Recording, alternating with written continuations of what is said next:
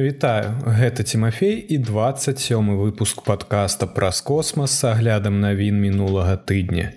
Сёння раскажу пра эпічны палёт старship, 50 палёт інжынюаці, пра наса, якое плануе пабудаваць некалькі баз на месяцы, пра месяцовыя планы Китая і іншым. Давайте пачынаць.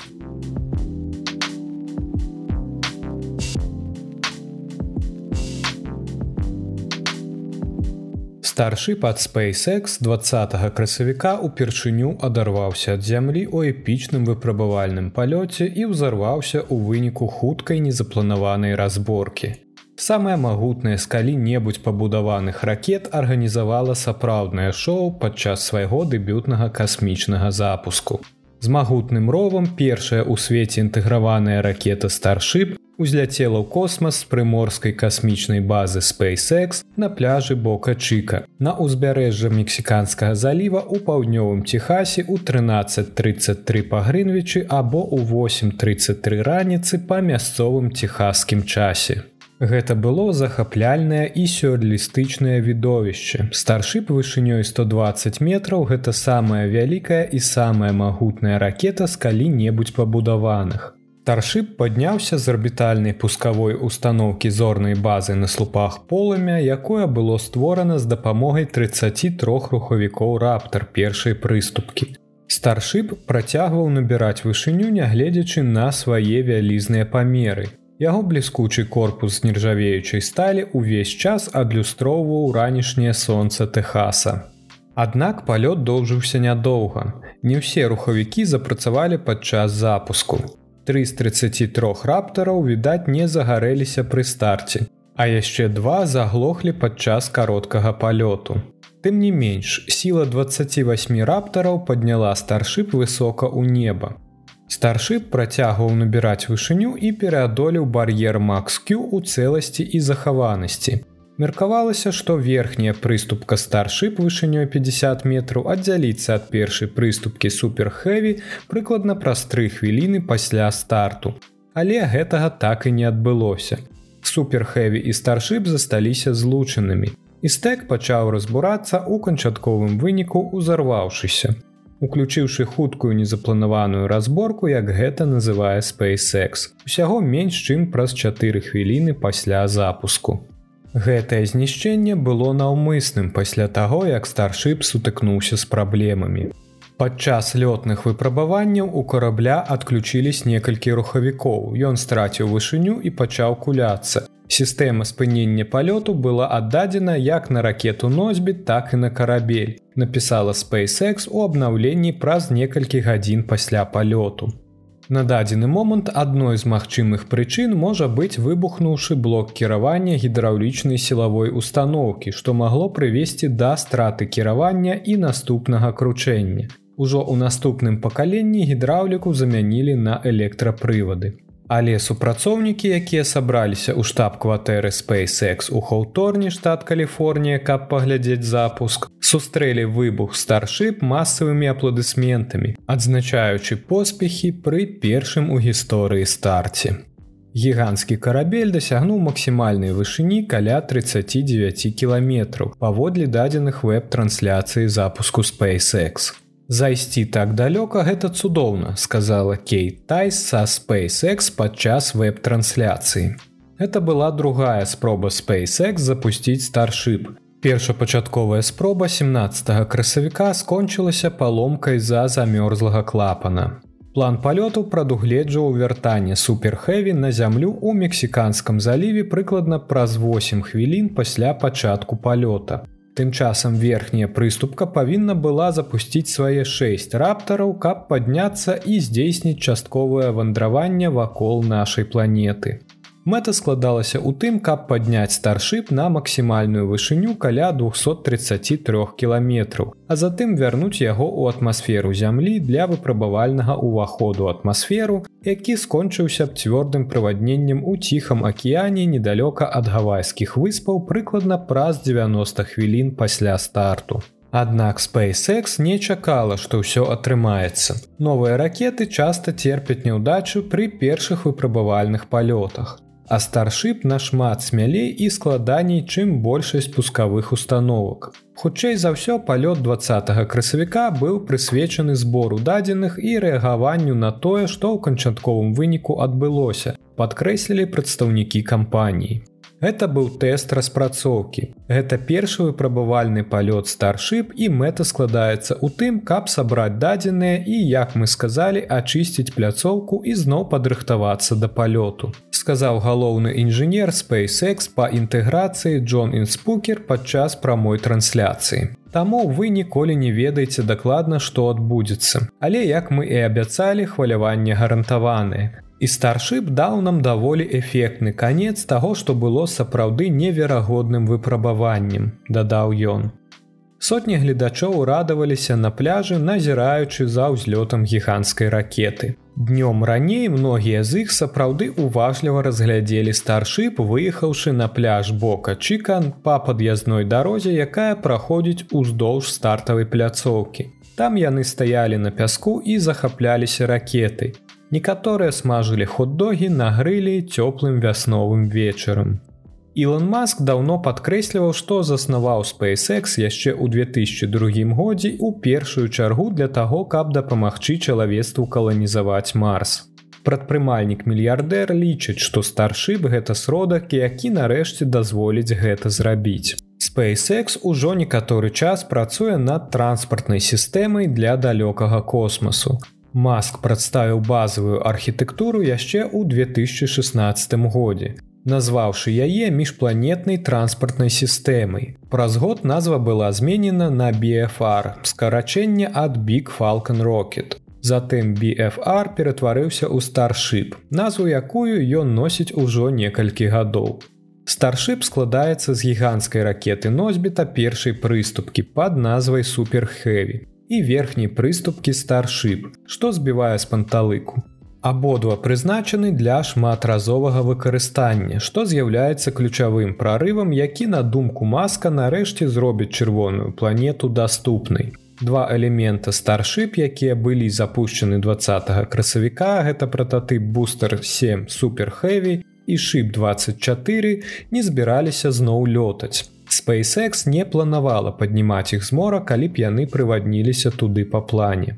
Новы рухавік SpaceX Раптор працуе на вадкам метане і вадкім кіслародзе, камбінацыя якіх таксама абрана з улікам Марса. Абодва могуць быць зроблены на чырвонай планеце, што дазваляе старшып эфектыўна запускацца як з Марса, так і з зямлі. Маск мяркуе, што флаты зоркалётаў будуць лётаць некалькі разоў на дзень на зямлі іх звыш цяжкія паскаральнікі будуць вяртацца непасрэдна да стартавай усталёўкі пасля кожнага старту для хуткай праверкі да запраўкі і паўторнага запуску. Па словах маска такое шырокае паўторнае выкарыстанне тэарэтычна можа зменшыць кошт кожнай місіі старшып усяго да некалькіх мільёнаў даляраў.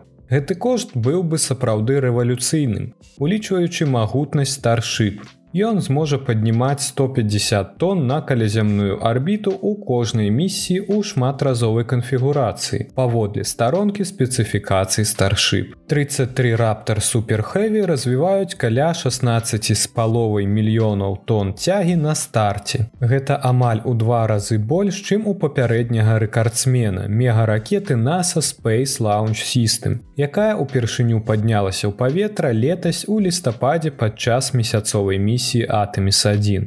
Да 20 красавіка SpaceX запускала толькі некалькі выпрабавальных палётаў са Starbase. Але гэтыя папярэднія намаганні былі іншага роду. Яны не набліжаліся да космасу і выкарыстоўвалі толькі касмічны карабель верхняй прыступкі без прымацаванага суперхэві і мелі максімум тры рухавіка раптар.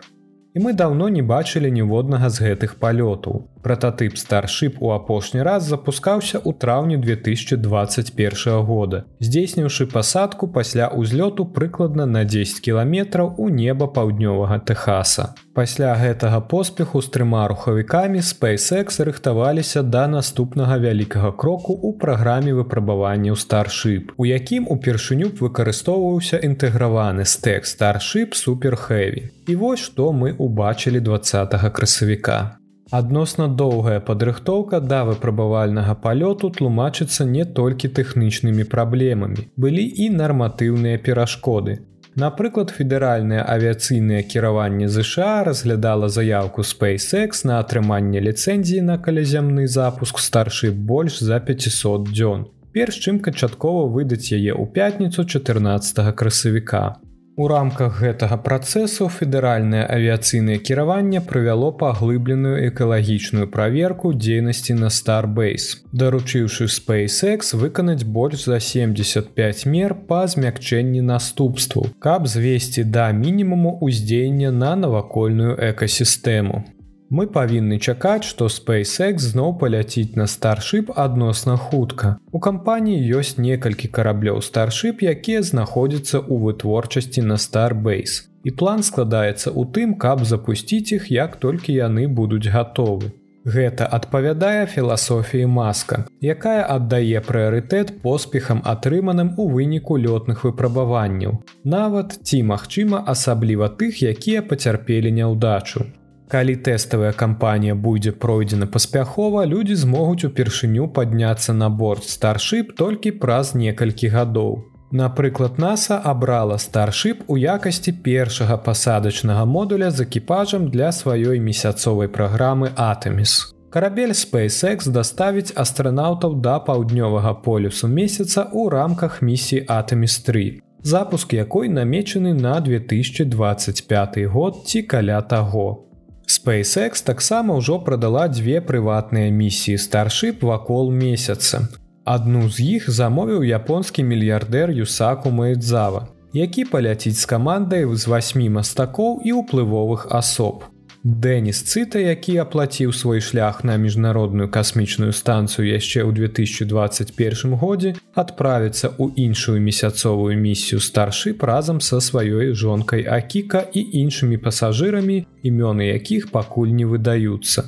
Мэтавыя дату запуску гэтых двух прыватных месяцовых місій яшчэ не абвешчаны але яны і ўсе іншыя меркаваныя будучыя палёты старship сталі крыху бліжэй да рэальнасці два красавіка, калі велізарны карабель адарваўся ад зямлі. Я яшчэ раз хочу сказаць, што самым вялікім поспехам было наогул падняцца наверх. Няўдача ж адразу на стартавай пляцоўцы была б сур'ёзным расчараваннем, асабліва б калі яна прывяла да выбуху, які разбурыў гіганцкую арбітальную пускавую вежу зорнай базы. Верагодна, гэта быў бы адзін вынік, якога SpaceX спадзявалася пазбегнуць, паколькі гэта значна замарудзіла б іх працу на пляцоўцы ў паўднёвым Тэхасе. Гэта была захапляльная падзея і зараз пяройдзем да іншых навін.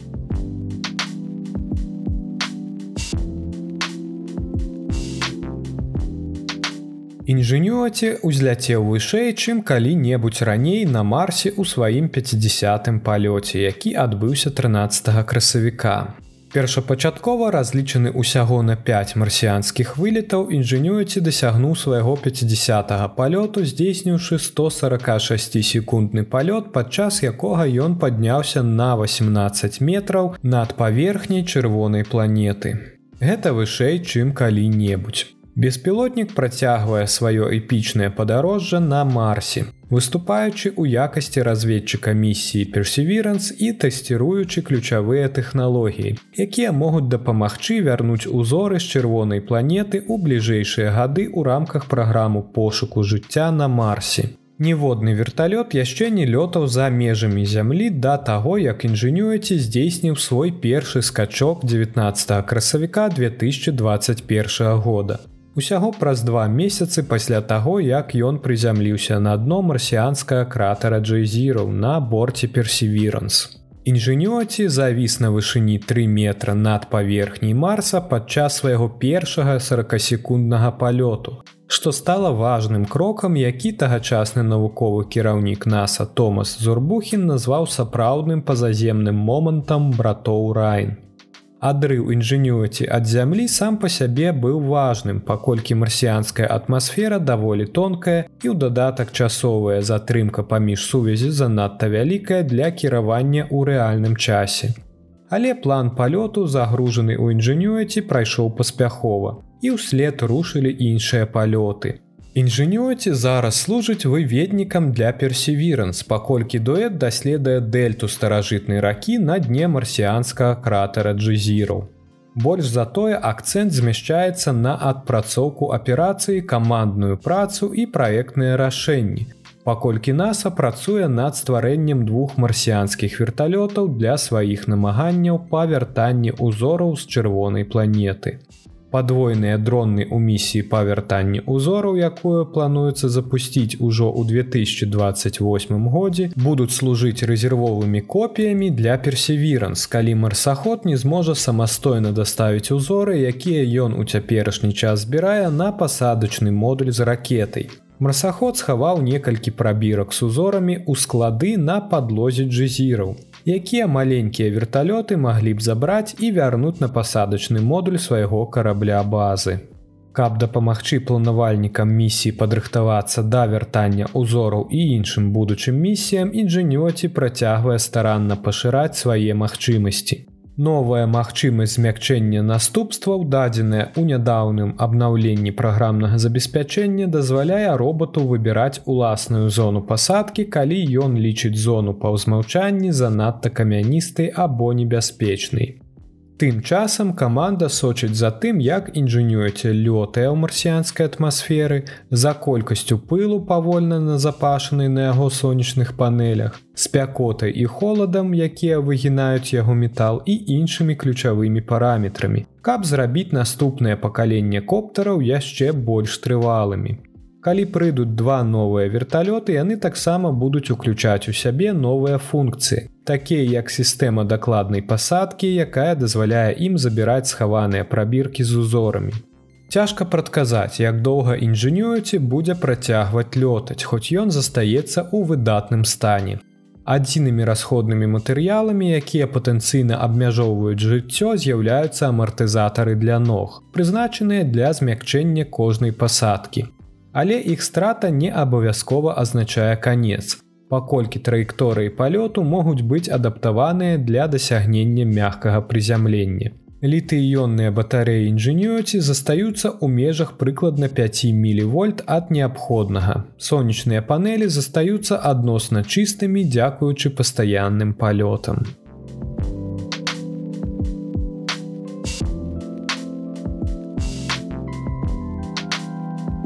NASAа можа пабудаваць больш за одну месяцовую базу для месяцовых місій Атэміс.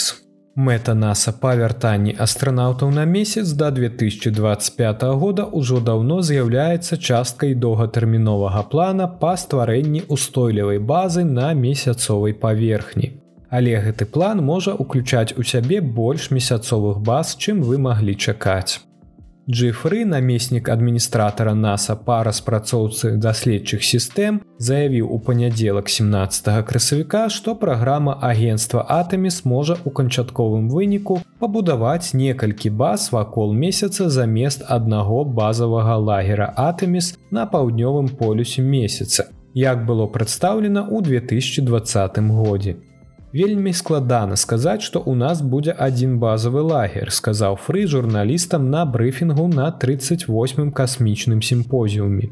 Таму што калі мы прапусцім акно запуску нам магчыма давядзецца чакаць каля 30 дзён каб вярнуцца да гэтага месца Замест гэтага NASAа можа працаваць са сваімі міжнароднымі партнёрамі над стварэннем серыі месяцовых лагераў, якія былі раскіданыя па месяцовай паверхні, каб максімізаваць навуку і даследаванні. Агенцтва па словах фры вывучае ці не лепш выкарыстоўваць размеркаваны падыход з некалькімі месяцовымі базамі. У тым ліку некаторыя з іх, якія патэнцыйна могуць быць прадстаўлены міжнароднымі партнёрамі, такімі як еўрапейскае касмічнае агенцтва Канада або Японіі, якія ўсе падпісаліся ў якасці партнёраў праграмы Атэміс. Базавы лагер NASAа Атэміс прадугледжвае стварэнне асноўнай месяцовай базы на паўднёвым полюсе месяца, магчыма, у кратары Шэклтана, які ўжо даўно знаходзіцца ў спісе кандыдатаў агенства для даследавання ў рамках місіі Атэміс, паколькі вядома, што ў яго зацінённых абласцях змешчаны лёд. База будзе служыць цэнтрам для пасадкі на месяц атамі з экіпажам і падтрымліваць каманду з чатырох астранаўтаў на працягу тыдня. Згодна з планам базавага лагера асяроддзя пражывання будзе ўключаць энергетычную інфраструктуру, радыяцыйную абарону, аб'екты для выдалення адходаў і пасадачную пляцоўку для экіпажаў. Тут таксама будзе знаходзіцца месяцаход, на якім астранаўты змогуць аб'язджаць месяц але наяўнасць некалькіх невялікіх баз атаміс на месяцы можа палепшыць навуку і атрымаць доступ да месяцовай паверхні сказаў фры ў панядзелак Аднак наса не будзе будаваць гэтыя дадатковыя месцы пасялення ў бліжэйшы час таксама дадаў ён Па меры развіцця больш працяглых і маштабных місій NASAа спадзяецца адправіць месяцаходы для астранаўтаў Атэміс, каб іх вандроўкі на месяцы пачыналіся з негерметычнага месяцахода і сканчваліся герметычным транспартным сродкам, падобным на грузавік. Японскае касмічнае агенцтва аб'ядналася з Тойота для стварэння такога месяцовага грузавіка. Гаворка ідзе пра пазнейшыя місіі, такія як атаміс 7, 8 і 9, дзе таксама будзе разгледжана магчымасць дадання сталага жылля на паверхню месяца.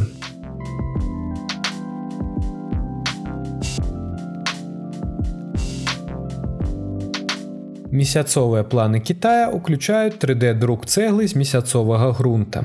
Кітай мае намер выпрабаваць друк цэглы з месяцовага рэгаліту ў канцы гэтага дзегоддзя ў якасці кроку да будаўніцтва сталай базы на месяцы. Місія Чане 8 краіны павінна прызямліцца на месяц прыкладна ў 2028 годзе і верагодна будзе ўключаць у сябе тэсты з выкарыстаннем рэсурсаў знойдзеных на паверхні месяца. Навукоўцы, якія сабраліся на канферэнцыі ва Ухані на гэтым тыдні пацвярждаюць, што яны разглядаюць магчымасць 3D-друку цэглы з выкарыстаннем матэрыялаў з месяцовай паверхні. Паводле справаздачы навуковец хуаджынскага універсітэта навукі і тэхналогій Дынь Люін прадставіў прататып шасціногага насякомападобнага робота званага суперкаменьшчыкам, які мог збіраць гэтыя друкаваныя кубікі гэтак жа як дэталі лега. У выніку будаўніцтва жылля за межамі зямлі мае важнае значэнне не толькі для імкнення ўсяго чалавецтва да засваення космасу, але і для стратэгічных запатрабаванняў Китая як касмічнай дзяржавы, сказаў Дынь Люін падчас канферэнцыі. Метады, калі яны будуць правераны, затым могуць быць выкарыстаны для будаўніцтва міжнароднай месяцовай даследчай станцыі, якую Кітай плануе пабудаваць у 2030х годах. Канферэнцыя стала першай прысвечанай абмеркаванню падыходаў да стварэння базы. 3D-друк для касмічнай дзейнасці разглядаўся і тэставаўся на працягу многіх гадоў. Еўрапейскае касмічнае агенцтва працуе над вырабам цэглы з імітацыяй месяцовага рэгаліту. А Аэрбас збіраецца адправіць металічны 3D-прынтер на міжнародную касмічную станцыю. Такія магчымасці азначаюць, што прадметы можна вырабляць ці замяняць у космосе, а не запускаць зямлі, што значна змяншае кошты даследавання. У цяперашні час Кітай працуе над наступнай серыяй месяцовых місій а менавіта чаны 6 якая забярэ першыя ўзоры са зваротнага боку месяца ў 2025 годзе. І шматмэтавы касмічны карабель чаны 7 які плануецца запусціць у 2025 ці 2026 годзе. Сярод іншых задач ён будзе шукаць вадзяны лёд у зацененых кратарах Чаныя 8 рушыць услед за ім у 2028 годзе і закладзе аснову для буйнейшага праекта міжнароднай месяцовай даследчай станцыі.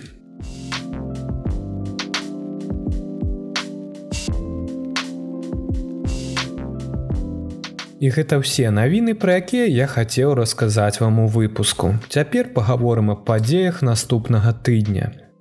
25 красавіка SpaceX з дапамогай Falалcon 9 запусціць партыю спадарожнікаў Starлін для сваёй высокахуткаснай інтэрнэт-групоўкі на нізкай калязямной арбіце. Больш цікавы запуск нас чакае 26 красавіка. SpaceX Falалcon Heavy збіраецца адправіць на арбіту спадарожнік шыракапалоснай сувязі Viasat 3 у якасці першага спадарожніка, які складаецца з трох частак. Гэты запуск ужо шмат разоў пераносіўся. Ракета SpaceX Falалcon Heavy адна з самых магутных ракет носьбітаў. вы можете памятаць яе па запуску чырвонага аўтамабіля Тесла. Акно запуску з 23:34 26 красавіка па 0018 хвілін 27 красавіка па Грынвічы. 28 красавіка Space Falcon 9 запусціць другую партыю шырокапалосных інтэрнэт-спадарожнікаў O3BM Power на сярэднюю калязямную арбіту для SES Люксембурга. Спадарожнікі пабудаваныя Боинг будуць аказваць інтэрнэт-паслугі большай частцы насельных пунктаў свету, абапіраючыся на сетку SES O3B. Ракета носьбіт першай прыступкі Falалcon 9 прызямліцца на беспілотны карабель у атлантычным акеане.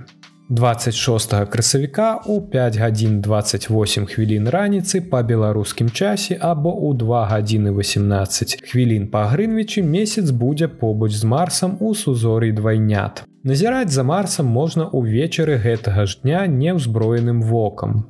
Метэорны поток лірыт адбываецца штогод 16 па 25 красавіка, а яго пік прыпадае на ноч 22 красавіка 2023 года. Сёлета спрыяльныя магчымасці для назірання. Як і ў выпадку з большасцю метэорных потокаў пікавы час назірання будзе перад світанкам. Але лірыды стануць бачнымі прыкладна ў 22:30 па мясцовым часе. Сярэдні поток лірыт вырабляе ад 15 до 20 метэораў у гадзіну. Метэоры лірыды гэта маленькія кавалачкі каметы Тэтчер. Метэорны дождж узнікае, калі зямля перасякае шлях каметы, сутыкаючыся са шлейфам каметных крошак. Вось чаму яны адбываюцца прыкладна ў адзін і той жа час кожны год. Калі яны згараюць у атмасферы зямлі, метэоры пакідаюць у небе яркія палосы, якія звычайна называюцца падаючымі зоркамі.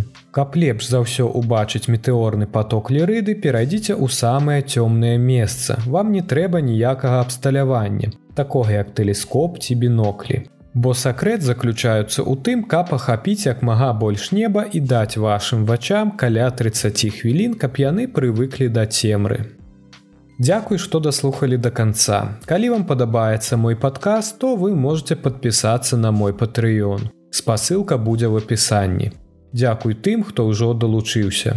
Да пабачэння пачуемся на наступным тыдні.